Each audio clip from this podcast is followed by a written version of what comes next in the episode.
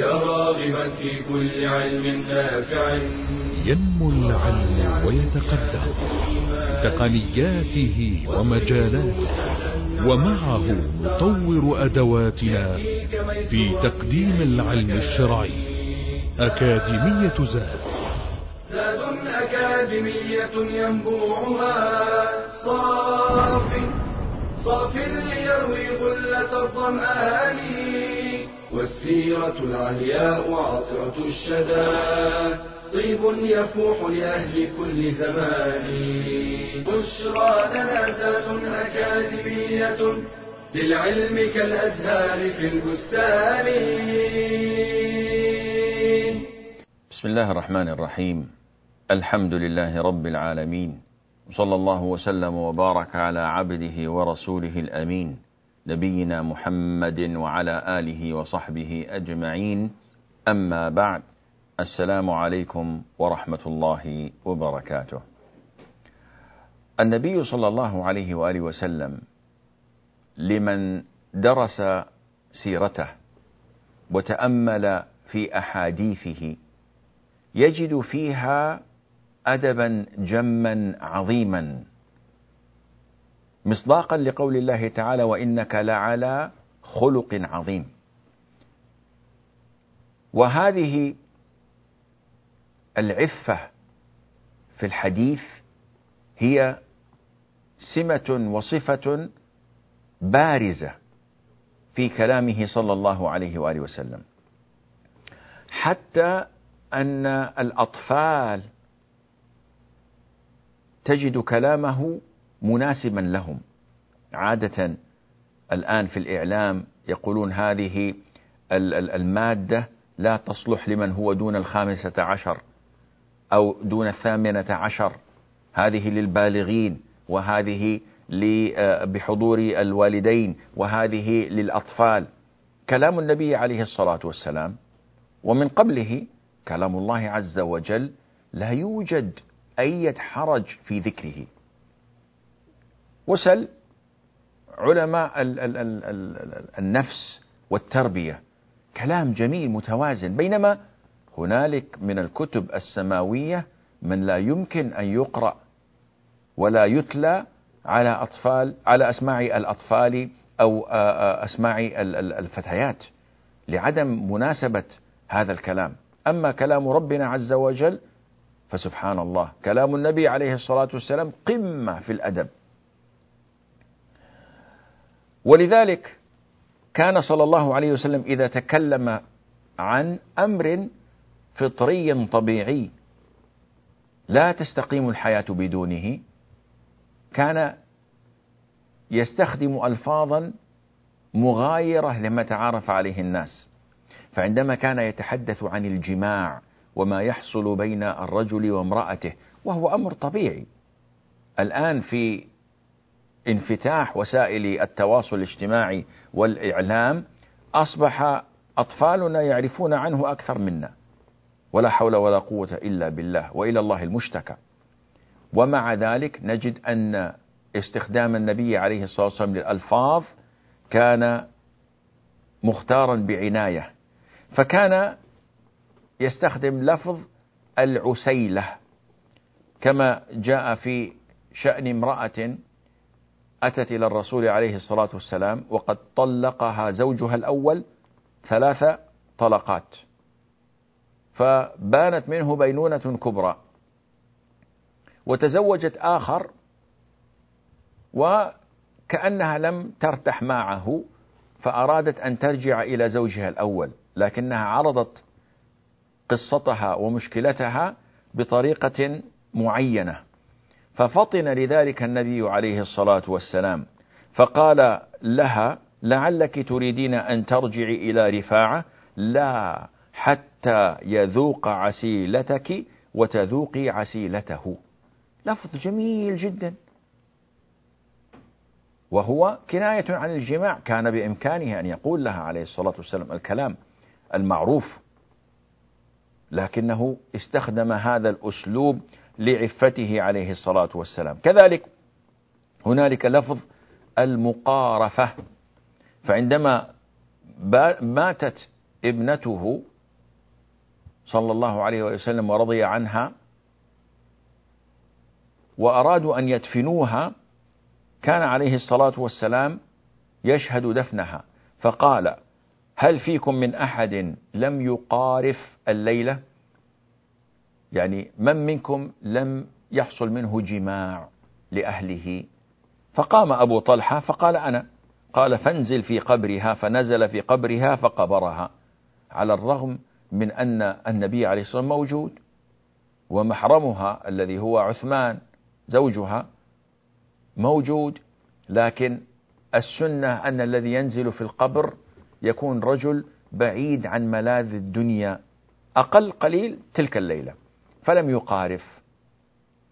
ولم يقل عليه من منكم لم يجامع لم يأتي أهله وإن كان يأتي أهله أيضا لفظة لفظة يعني طيبة وعفيفة لكن ما ما استخدم هذه الألفاظ عليه الصلاة والسلام.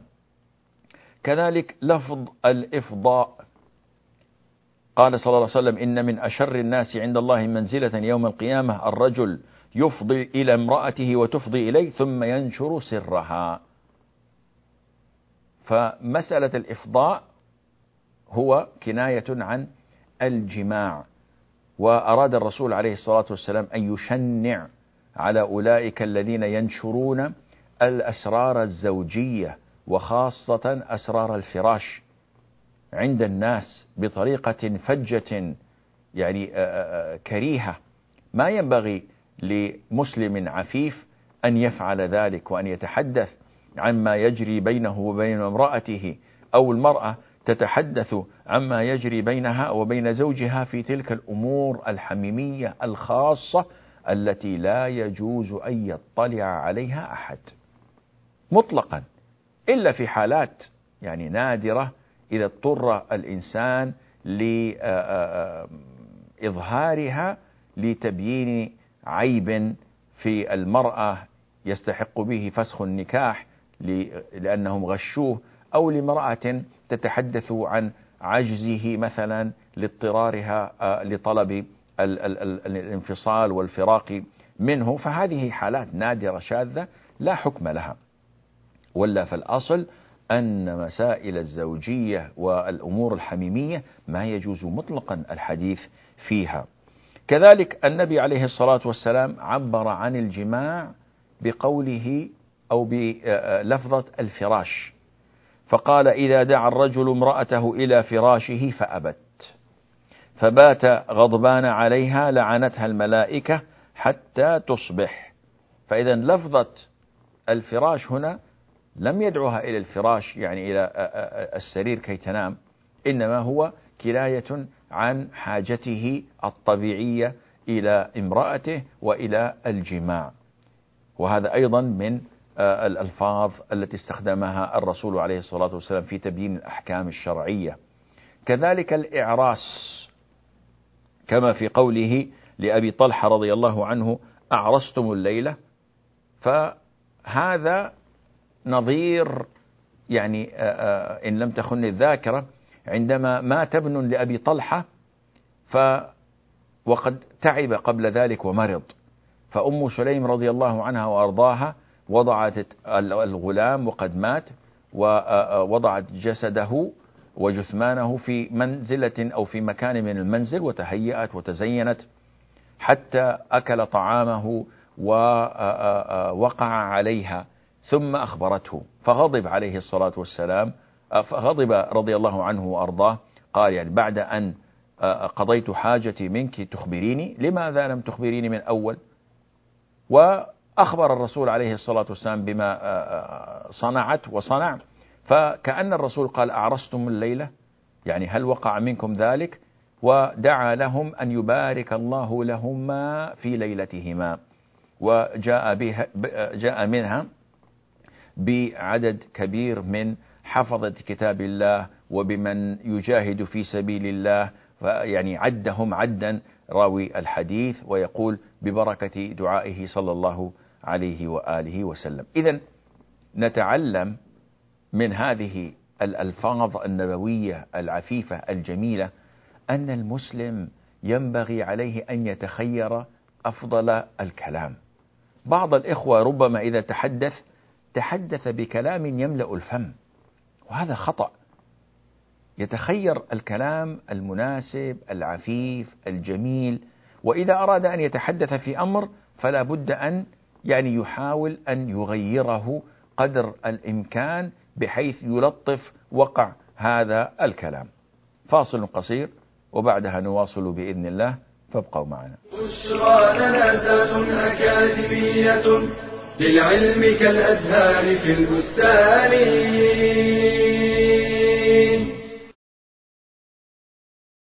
لا تحاسدوا.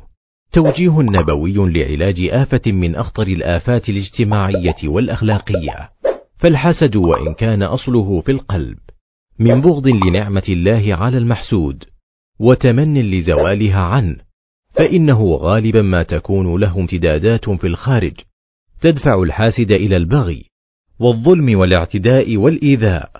والإيقاع بالمحسود.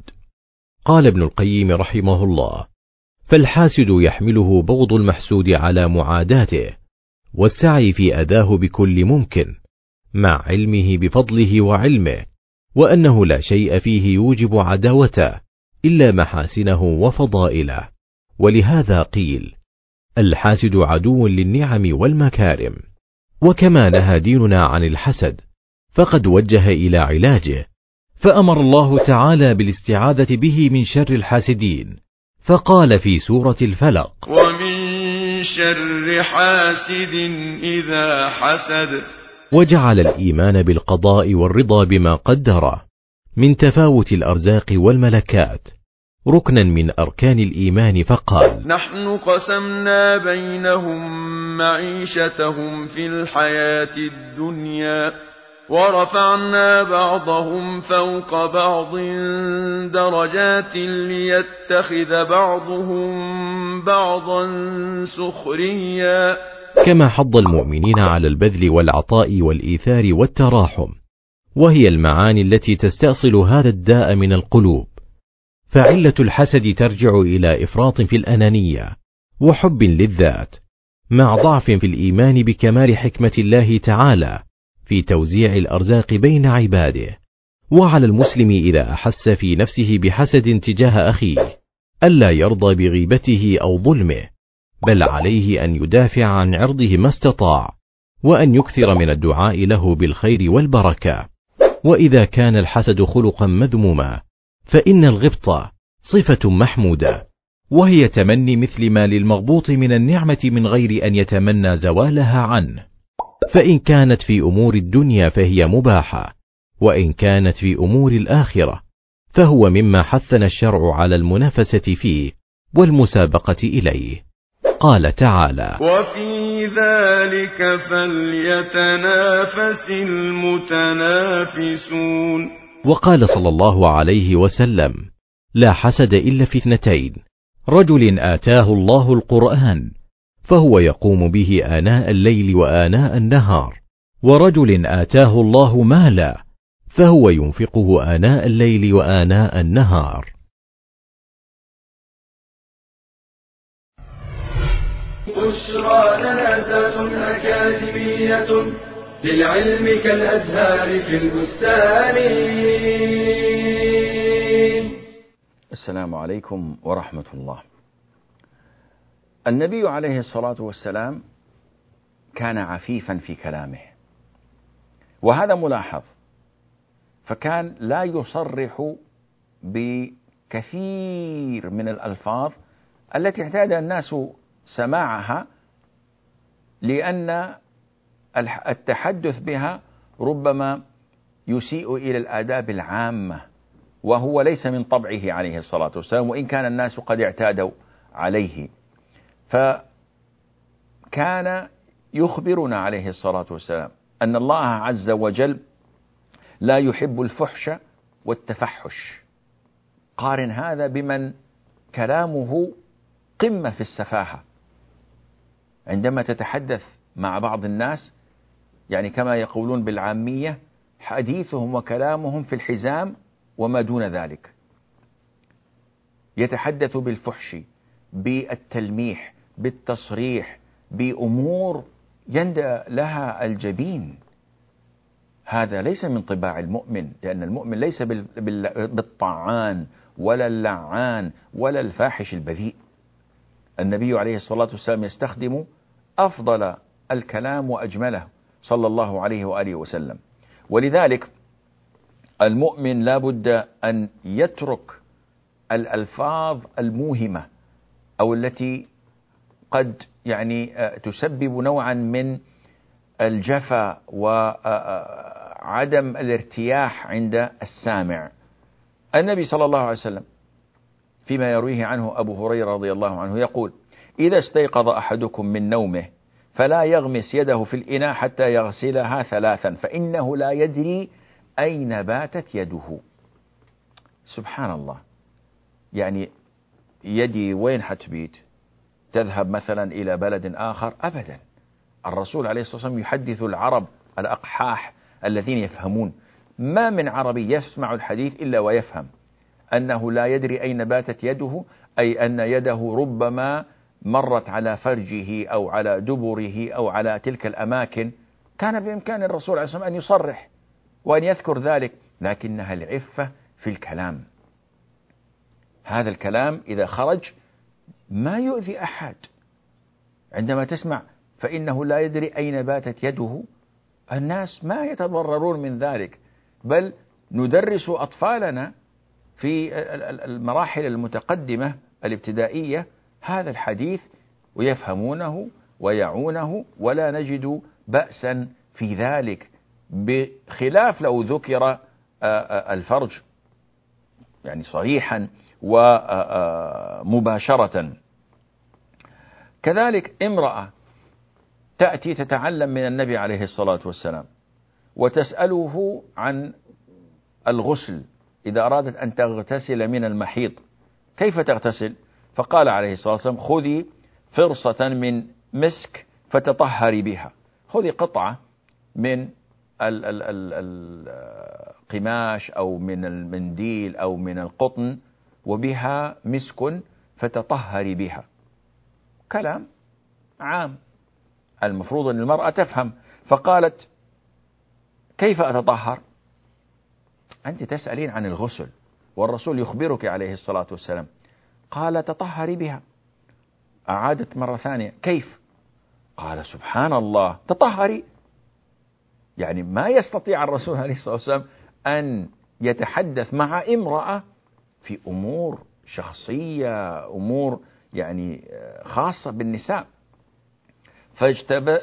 فسحبتها واجتبذتها أمنا عائشة وقالت لها وقالت لها تتبعي بها أثر الدم.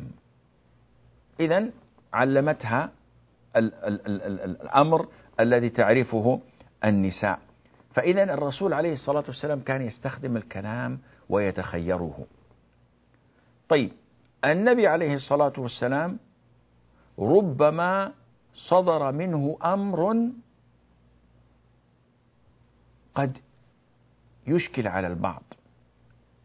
فالآن نحن قد رسمنا صورة وردية لكلامه صلى الله عليه وآله وسلم ولعفة هذا الكلام وجماله وهذا لا مرية فيه مطلقا. لكن تنبه أن النبي صلى الله عليه وآله وسلم بشر وأنه خلال الثلاث وعشرين سنة من بعثته صلى الله عليه وسلم لم ينسب إليه أمر يطعن في أخلاقه أو في عفته أو في كلامه صلى الله عليه وآله وسلم. إلا أن أعداء الله ربما يتصيدون بعض الأمور المشتبهة لكي يثيروا الشبهة والشكوك عند الناس. فقد يصدر من النبي عليه الصلاة والسلام ما يصدر من البشر فربما سب أحدا ربما شتم أحدا ربما لعن أحدا ربما جلد أحدا. فيأتون إلى تلك الحالات القليلة التي تعد على أصابع اليد الواحدة. فيعظمونها ويكبرونها رغبة منهم في الانتقاص منه صلى الله عليه وآله وسلم. على سبيل المثال إلى الحصر. أنس بن مالك رضي الله عنه وأرضاه يقول كانت عند أم سليم يتيمة. طبعا أم سليم هي أم أنس رضي الله عنه وكان عندها أطفال كان عندها عيال. فرأى رسول الله عليه الصلاة والسلام اليتيمة أخت أنس طبعا. فقال أنت هي لقد كبرت لا كبر سنك لا كبر سنك. هذه دعوة. يعني إن شاء الله ما تكبري. إن شاء الله تظلي هكذا قزمة صغيرة. فرجعت اليتيمة تبكي إلى أم سليم تشتكي. وأخبرتها أنه الآن خلاص ما في ما في أمل ما حأكبر. حأظل على ما أنا عليه. فذهبت أم سليم تستوضح الأمر من النبي عليه الصلاة والسلام. وهي مستعجلة. فلما دخلت عليه قال ما لك يا أم سليم؟ قالت يا رسول الله أدعوت على يتيمتي؟ أحين أم سليم ما صدقت هذا الكلام أرادت أن تستوثق. فقال وما ذاك يا أم سليم؟ قالت زعمت أنك دعوت ألا يكبر سنها ولا يكبر قرنها. فضحك صلى الله عليه وآله وسلم. قال يا أم سليم أما تعلمين أن شرطي على ربي أني اشترطت على ربي فقلت إنما أنا بشر أرضى كما يرضى البشر وأغضب كما يغضب البشر فأيما أحد دعوت عليه من أمتي بدعوة ليس لها بأهل أن يجعلها له طهورا وزكاة وقربة يقربه بها منه يوم القيامة. رواه الإمام مسلم. الله أكبر. يعني حتى هذا الأمر البشري الذي ما ينجو منه أحد. النبي عليه الصلاة والسلام حوله إلى منقبة. وفي صحيح مسلم أحاديث كثيرة من هذا القبيل. أن رجلين دخلا على النبي عليه الصلاة والسلام فحدثاه بما أغضبه فسبهما أو لعنهما. فدخلت أمنا عائشة وقالت ما لقي أحد شر مما لقي هذان مما لقي هذين. فقال وما ذاك؟ فقالت أنت دعوت عليهما يا رسول الله. فقال أما علمت أن اشترطت على ربي أني من سببته أو شتمته أو لعنته أو جلدته أن يجعلها الله له رحمة.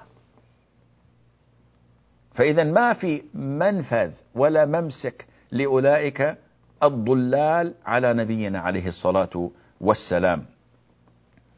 بل من الأشياء التي يشنع الناس على نبينا صلى الله عليه وآله وسلم. وهذا الأمر يعني موجود في السنة الصحيحة. أن النبي صلى الله عليه وآله وسلم قال من تعزى بعزاء الجاهلية فأعضوه بهني أبيه ولا تكنوا طيب إيش هذا الحديث؟ حديث عجيب. ولكن لدينا فاصل وبعدها نتحدث عنه بإذن الله عز وجل ونزيل تلك الشبهة عن أذهان بعض من استقرت في قلبه بإذن الله عز وجل. فارتقبونا. بشرى لنا أكاديمية للعلم كالأزهار في البستان.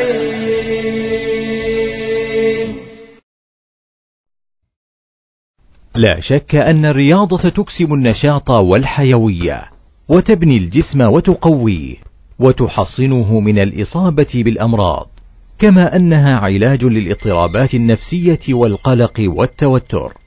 وباب لملء الفراغ في النافع المفيد. وعلى الجانب الأخلاقي فهي تنمي روح التعاون والمنافسة الشريفة واحترام الآخرين. والأصل في الرياضة الإباحة. أما إذا كانت لأهداف وغايات محمودة كتقوية الجسم وتنشيط النفس للقيام بالواجبات الشرعية أو مجاهدة العدو فإنها ترتفع من مستوى الإباحة إلى مستوى الاستحباب. ولأن الإسلام منهج حياة فقد وضع للرياضة ضوابط تعصمها من الانحراف عن مقاصدها الأصلية. من هذه الضوابط مراعاة المقصد الحسن عند ممارستها. فقد قال صلى الله عليه وسلم إنما الأعمال بالنيات. وجوب ستر العورات. والبعد عن مواطن إثارة الغرائز. عدم اشتمال الرياضة على خطر محقق. أو يغلب على الظن تحققه. قال تعالى ولا تلقوا بأيديكم إلى التهلكة. وقال صلى الله عليه وسلم لا ضرر ولا ضرار. ألا تلهي عن واجب شرعي كالصلاة والصيام. البعد بها عن المكاسب المحرمة كالقمار والمراهنات. عدم الاختلاط بين الجنسين. ألا يغلب عليها التعصب بأن يبنى عليها ولاء أو براء. عدم إيقاع الأذى المقصود بالمخلوقات كاتخاذ الطيور أهدافا للتدريب. أو تعذيب الحيوانات أو التحريش بينها بقصد اللهو قال رسول الله صلى الله عليه وسلم المؤمن القوي خير وأحب إلى الله من المؤمن الضعيف وفي كل خير.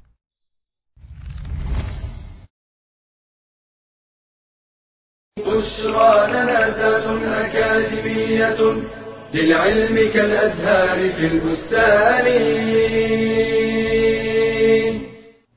السلام عليكم ورحمة الله وبركاته.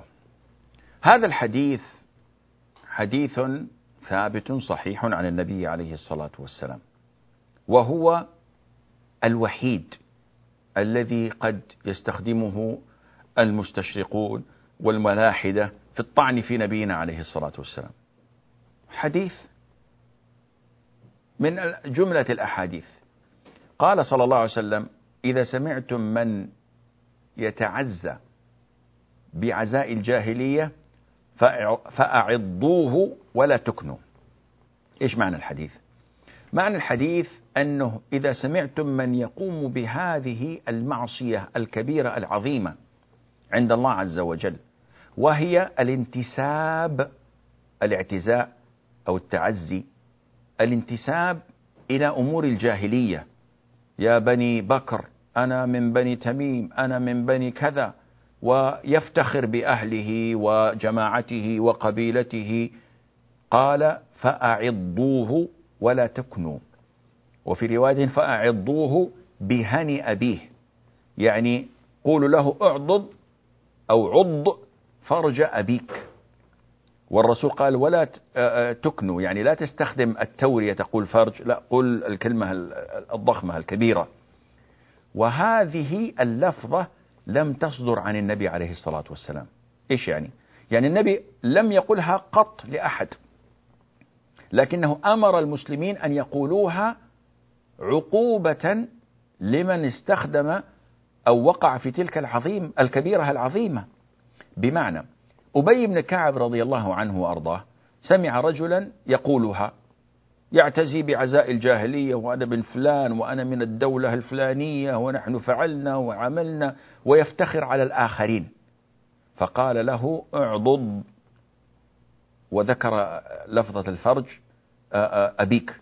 فقالوا ما عهدناك فحاشا.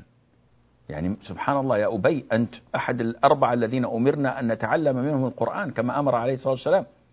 وأنت وأنت وأنت لأنك العلم أبا المنذر. أنت رجل عجيب من الصحابة. ما عهدناك فحاشا؟ قال إني سمعت أو إنا أمرنا بذلك.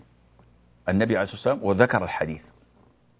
إذا هذه اللفظة ليست فيها أي نوع من أنواع الفحش إنما هي عقوبة. ولذلك عندما قال عليه الصلاة والسلام كما يروى عنه أن البذاءة من الجفاء والجفاء في النار البذاءة لمن صدرت منه بدون سبب. أما المقابلة والعقوبة لذنب كبير كهذا الذنب فهذا أمر شرعي. فلا مطعن فيه أبدا في حديث النبي صلى الله عليه وآله وسلم كما أنه لا مطعن لأحد أبدا في كلامه مثلا لتلك اليتيمة. لا كبرت سنك. هذا ليس فيه أبدا نوع من الدعاء عليها. لأنها ليست مستحقة له فأصبح دعاء لها. وهذا نظير قوله عليه الصلاة والسلام تربت يمينك. وكان عليه الصلاة والسلام لم يكن فاحشا ولا متفحشا. إذا عتب على رجل قال له تربت جبينه. هذا من كلام العرب. صفية رضي الله عنها عندما حاضت في حجة الوداع والرسول أراد أن ينفر وأن يرجع قالوا له إنها حاضت ولم تطف أي طواف الوداع. قال عقرى حلقة عقرى يعني كأنها ذبحت. حلقة كأنه حلق شعرها. هذا لا يقصده العرب لمعناه إنما هي كلمة تقال عند التذمر أو عند التشكي أو نوع من أنواع التأنيب. لكن ليست هي دعاء بأن تقتل وتوجأ عنقها أو يحلق شعرها. وكقوله عليه الصلاة والسلام لمعاوية لا أشبع الله بطنك. الرافضة يستغلون هذا الحديث ويقولون إنه يعني كلام في معاوية معاوية من المؤمنين من أصحاب النبي عليه الصلاة والسلام من كتبة الوحي. لا يستطيع أحد أن يطعن فيه إلا منافق مغموس في النفاق. إذا سمعت أحد يطعن في معاوية بأدنى طعن فاعلم أنه منافق.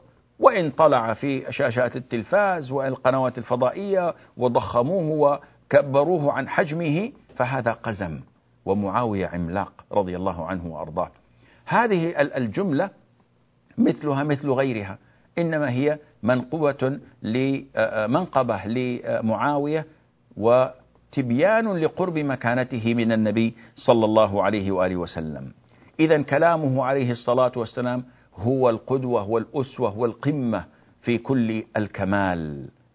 كان صلى الله عليه وسلم ربما أكد على كلامه بشيء من اليمين. فكان يعني كثيرا ما كان يقول لا والذي نفسي بيده. فهذا فيه إظهار لعظمة الكلام. وهذا فيه إظهار لأنه يجوز للمسلم أن يحلف وأن يقسم ولذلك جعل الله عز وجل كفارة الأيمان. وأمرنا أن نحفظ أيماننا. فكان عليه الصلاة والسلام لا يقسم إلا على أمر هام. يقول والذي نفسي بيده مثلا كأن يقول لأن يأخذ أحدكم حبله فيحتطب الحديث. يقول والذي نفسي بيده لا يكلم أحد في سبيل الله إلا جاء يوم القيامة واللون لون الدم إلى آخره. أمور كلها يستخدم فيها عليه الصلاة والسلام ألفاظا معينة من القسم والذي نفسي بيده ويم الله. لو أن فاطمة بنت محمد سرقت لقطعت يدها, يدها ونحو ذلك. كذلك من خصائص كلامه عليه الصلاة والسلام وأدبه في الكلام أنه ربما استخدم لفظ الغائب فيما يقبح نسبته إلى المتكلم. فمثلا هذا موجود في القرآن. كتب عليكم القتال وهو كره لكم. ما قال كتب الله عليكم القتال. استخدم لفظ الغائب لأن فيه كراهية عند المستمع وهو مسألة القتال والجهاد. كذلك النبي عليه الصلاة والسلام قال إذا وضعت الجنازة واحتملها الرجال على أعناقهم فإن كانت صالحة قالت قدموني وإن كانت غير صالحة قالت يا ويلها. ما قال يا ويلتي؟ شوف هناك قال في في الجنة وأمور الطيبة قال قدموني. النبي يتكلم عن نفسه عليه السلام. أما وإن كانت غير صالحة قالت يا ويلها ما قال يا ويلي أين يذهبون بي؟ لا قال يا ويلها أين يذهبون بها؟ وهذا من الأدب. أنك لا تنسب الأشياء السيئة لنفسك بل انسبها إلى ضمير الغائب. وفي الصحيحين عندما عرض النبي عليه الصلاة والسلام الإسلام على أبي طالب حتى قال أبو طالب آخر ما قال الرسول يعرض عليه الإسلام. ويعني يحببه فيه. آخر شيء قاله أبو طالب وهذا لفظ الحديث قال هو على ملة عبد المطلب. ما قال أنا مع أنه ينقل كلامه.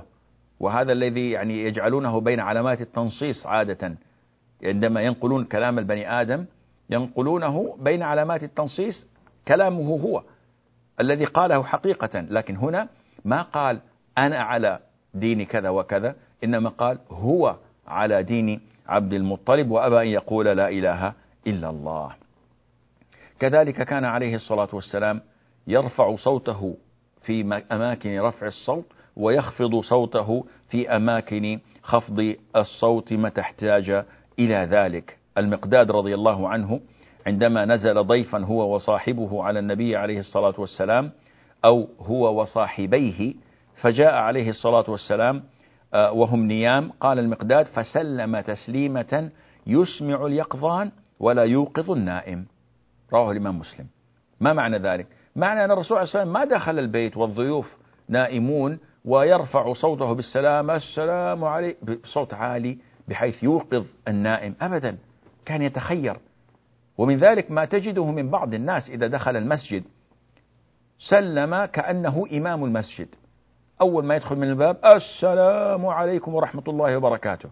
حتى الذي يصلي يتشوش أو يشوش عليه. هل الذي يقرأ القرآن يضطر إلى قطع قراءته؟ الذي يذكر الله عز وجل؟ يا أخي لماذا ترفع صوتك بالسلام؟ نعم إذا دخلت ورأيت من تعرف سلم عليه بينك وبينه أما أن تسلم على المسجد عامة فليس هذا من السنة. إذا النبي عليه الصلاة والسلام هو أفصح من نطق بالضاد بأبي هو وأمي وينبغي على المسلم أن يتعلم من أحاديثه وكلامه وهديه وسمته ما ينفعه الله تعالى به في الدنيا وفي الآخرة. هذا والله أعلم. ونسبة العلم إليه أسلم وصلى الله وسلم وبارك على عبده ورسوله نبينا محمد وعلى آله وصحبه أجمعين. يا راغبا في كل علم نافع متطلعا لزيادة الإيمان وتريد سهلا النوال ميسرا يأتيك ميسورا بأي مكان. زاد أكاديمية ينبوعها.